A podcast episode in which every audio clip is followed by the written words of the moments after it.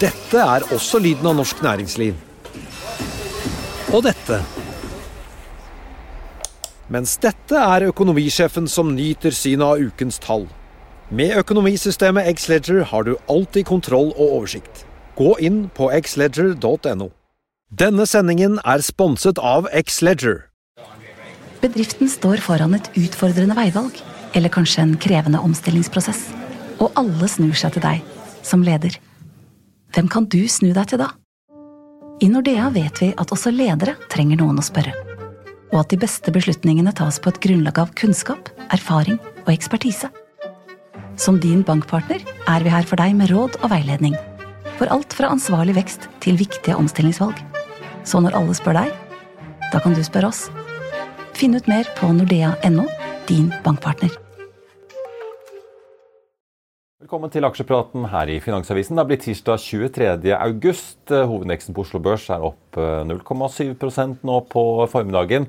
Og Dermed har vi tatt igjen gårsdagens lille nedgang og er i pluss så langt for uken. En viktig driver Åpenbart oljeprisen som nå har bikket 97 dollar fatet. Det skal vi straks uh, komme tilbake til. Men aksjekommentator Karl Johan Månes, vi må begynne i uh, si, havet. Oppdrett. Ja. Både Bakkafrost og Grieg Seafood har kommet med tall i dag. Begge to er ned. kan vi begynne med Grieg? Tidenes resultat, sier de selv. Operasjonell EBIT nesten en milliard eh, kroner fra 44 millioner på, forrige, på samme periode i fjor. Ja, Aksjen er ned 4,5% og det er jo en stor nedgang når du har så gode resultat. Så det er noen som har bestemt seg for å selge i dag tidlig, nesten uansett hvordan resultatene var. Men det som er negativt som trekker dette ned, er at de guider ned volumene fra 90 000 tonn til 87 000 tonn for året. Og de advarer om høyere kostnader. Men likevel, det er jo fantastiske resultat. med EBIT per kilo på 41,6 kroner. Da, og eh, farming koster på 48,6 kroner per kilo. Da, og solgt volum 23 700. Så, eh, det er veldig gode priser om dagen? Ja, helt klart. Men ja. det er klart, været har jo vært bra. Det har jo vært stillongs her på Vestlandet hele, hele, sommeren. Og rapporten er jo liksom fra Vestlandet er jo at det har liksom ikke vært mulig å drikke kaffe på terrassen mer enn et par dager i året. Det eneste som syns det er bra, er jo lakseoppdretterne. Ja. Når det da er for varmt til å reise til Syden på ferie, så kan man heller gå rundt og kose seg stillongs eh, på Vestlandet og ja. tjene penger. Og det var ikke bare operasjonelt lebit som var god. Bunnlinjen også steg fra 124 til 679 millioner. En ganske saftig forbedring år for år. Ja. ja. Og, og, og, Grieg Seafood det er jo et selskap som har tidvis hatt problemer, så dette her er fantastisk for de. Altså, de har jo tidvis vært eh, langt nede, men det har kommet utrolig sterkt tilbake. Så det er veldig bra. De hadde jo en kapitalmarkedsdag for ikke så veldig lenge siden. og Vi snakket jo med sjefen i selskapet da, som bl.a. snakket om at de ønsker jo å få en litt mer stabil inntektsprofil ved å sikre mer langsiktige kontrakter enn å være så um, spot-eksponert. Uh, likevel et par ting som jeg la merke til i, i rapporten. De kutter guidingen på årets produksjon litt grann, fra 90 til 87 000 tonn. Og sier at de regner med enda litt høyere kostnader uh, på produksjonen nå i tredje ja. kvartal. Ikke helt overraskende grunnet i det generelle inflasjon og fôr. Hvordan leser du det? Er det det som eh, presser ja, aksjen nedover? Ja, I tillegg til at det er noen som tydelig har bestemt seg for å selge. Ja. Det som, og, og, eh, det er ikke pga. at det, det, har veldig høy verdivurdering. eller at Det er, altså, det er elleve analytikere som følger. Åtte har kjøpsanbefaling, tre har hold. Og eh, PE for inneværende år før disse tallene var på eh, under ti. og eh, litt høyere, litt høyere PE for neste år, men det, det er bare noen som har bestemt seg for å selge. og det, Man vet aldri hvorfor de gjør det. Nei.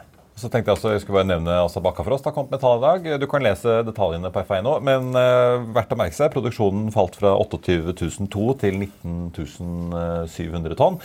Aksjer ned en halvannen prosent. Uh, selskapet leverte jo bedre disse resultater enn samme tid i fjor, men innfridde ikke helt analytikernes uh, forventning. Karl Johan, vi må over i oljeverden. Det kom en, et, noen ganske interessante uttalelser som jeg nesten bare må lese litt ja, her i går fra, fra Saudi-Arabia. For det er jo altså ikke mer enn en måned siden den amerikanske presidenten Joe Biden var i Riyadh. Uh, får vi da anta, for å be om mer olje og billigere bensin i USA. Uh, og nå rykker altså prins Abdulaziz bin Salman, hvis jeg sier det riktig, energiministeren i uh, kongedømmet ut i et intervju i Bloomberg, som også er sitert da, av det saudiarabiske nyhetsbyrået. Hvor han altså sier at OPEC pluss er klare til å kutte produksjonen av olje når som helst og på ulike måter. Han sier at uh, akkurat nå så trenger man klarhet og et uh, velfungerende marked som mest. Så sender altså volatilitet og tynn likviditet feile signaler til uh, markedet og energiministeren sier videre at eh, papirmarkedet for olje, altså ikke det fysiske, mm. men papirmarkedet, har falt inn i en selvforsterkende ond syklus med altså ekstrem volatilitet og tynn likviditet, som gjør at de som mm. trenger å just, uh, tilpasse risikoen sin og hedge seg i det fysiske markedet, ikke får gjort det til en grei uh, kostnad. Vi ser altså spotprisen i olje opp en halv prosent til 97,2. Og en jevn flom av gode plusstegn på alle oljeaksjene stort sett eh, på Oslo Børs i dag, inkludert da ikke bare oljeselskapene, men også seismikk som eh, PGS opp nesten 6% TGS opp 4 Subsea 7 3,5 ja, så Oljeprisen er jo ned fra toppen på mellom 25 og 30 alt etter hvordan man måler det. Og USA selger jo fra strategiske lagre. Det er jo ikke godt å vite hva som skjer. Om det stemmer at de selger en million fat per dag, og om det kanskje stemmer at de ligger og kjøper tilbake igjen i futures-markedet. Altså selger i dag på høyere priser og kjøper billigere i fremtiden. Og om det stemmer, jeg vet ikke. Det, det går mye rykter. og, og eh, det er jo tydelig at det er noe som presser oljeprisen ned. da, og det er jo bare tilbud og etterspørsel dette her også. og For noen måneder siden så ga man skylden på spekulanter. At man måtte liksom nette ut posisjoner, og at, man måtte liksom, at det var hedgefond som ikke fikk lov til å sitte med at dollaren var så sterk og man måtte redusere eksponeringen. og Alt var teknisk og forbigående. Men det, det, er ikke godt å vite hva som skjer. Men det er klart det er, blir en nedgangskonjunktur, så fall, oljeprisen bruker å falle med indeksen. altså Det er én-til-én-forhold omtrent. det er Mindre aktivitet eh, i økonomien er mindre forbruk? Det, det, er uoversiktlig. Eh, og det er jo et av de viktigste markedene å følge med på. og Spesielt viktig for Norge.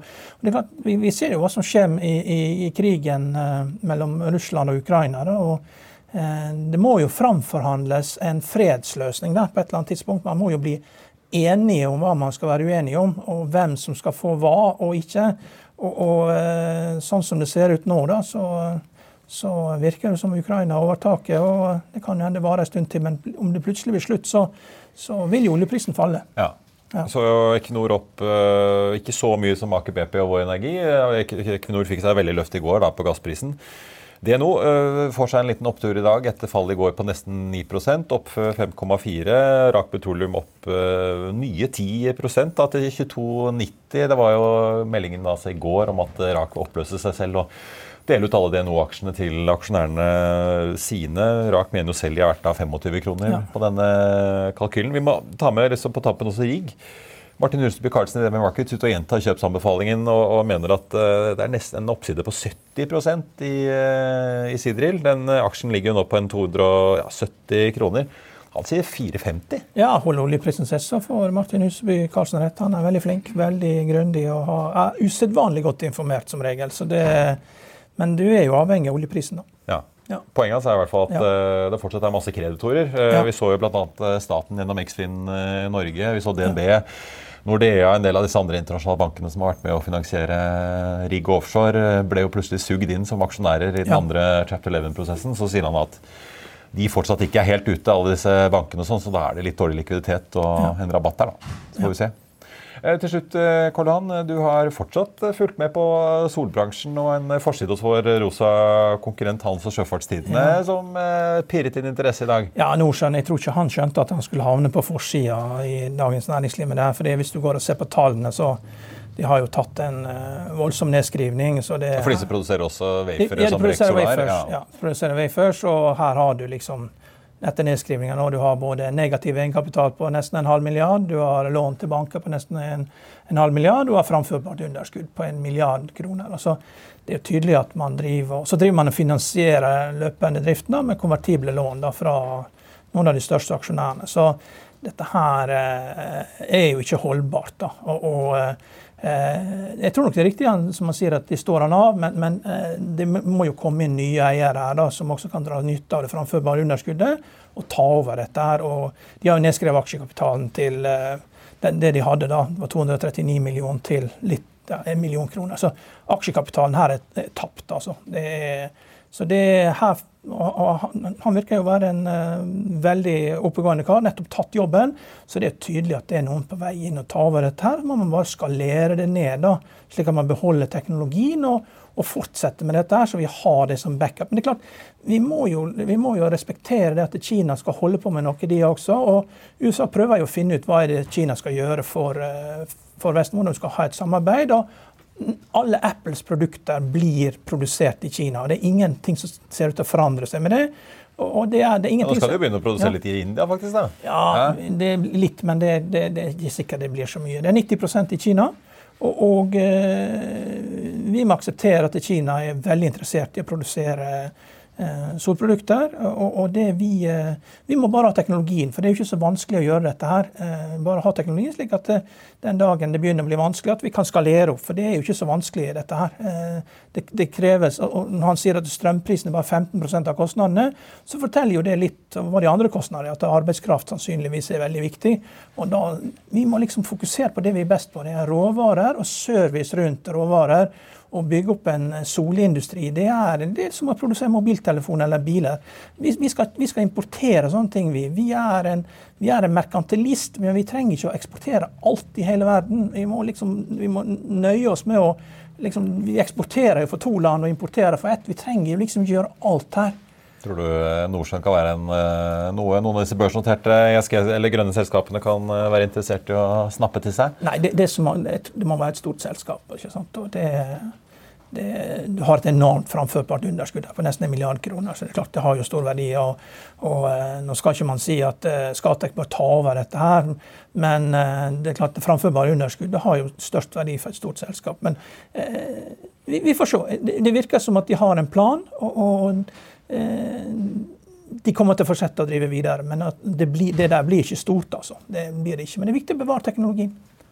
One to watch eh, potensielt, ja. altså. Mer finansstoff og siste nytt, ja. det får du som alltid på F1 nå. Ja. Denne sendingen er sponset av X-Leger. ACAST powers the world's best podcasts. Here's a show that we recommend. Are you a reality TV junkie? Do you ever think, dang, I wish I had someone to talk to about all the trash TV that I watch? Well, look no further, garbage lover, because Reality Gaze is a podcast for you. Hello, I'm Maddie. And I'm Poodle, and we're the Reality Gaze. We talk about all your favorite unscripted shows like The Golden Bachelor, Love is Blind, and TLC's big, messy behemoth, 90 Day Fiancé. And if you're driving to work, folding laundry, or just pretending to listen to your husband talk about sports, just put on the pod, and you've instantly got two gay besties spilling all the tea and reading these people for filth. So come at us, y'all. Find Reality Gaze wherever you listen to podcasts.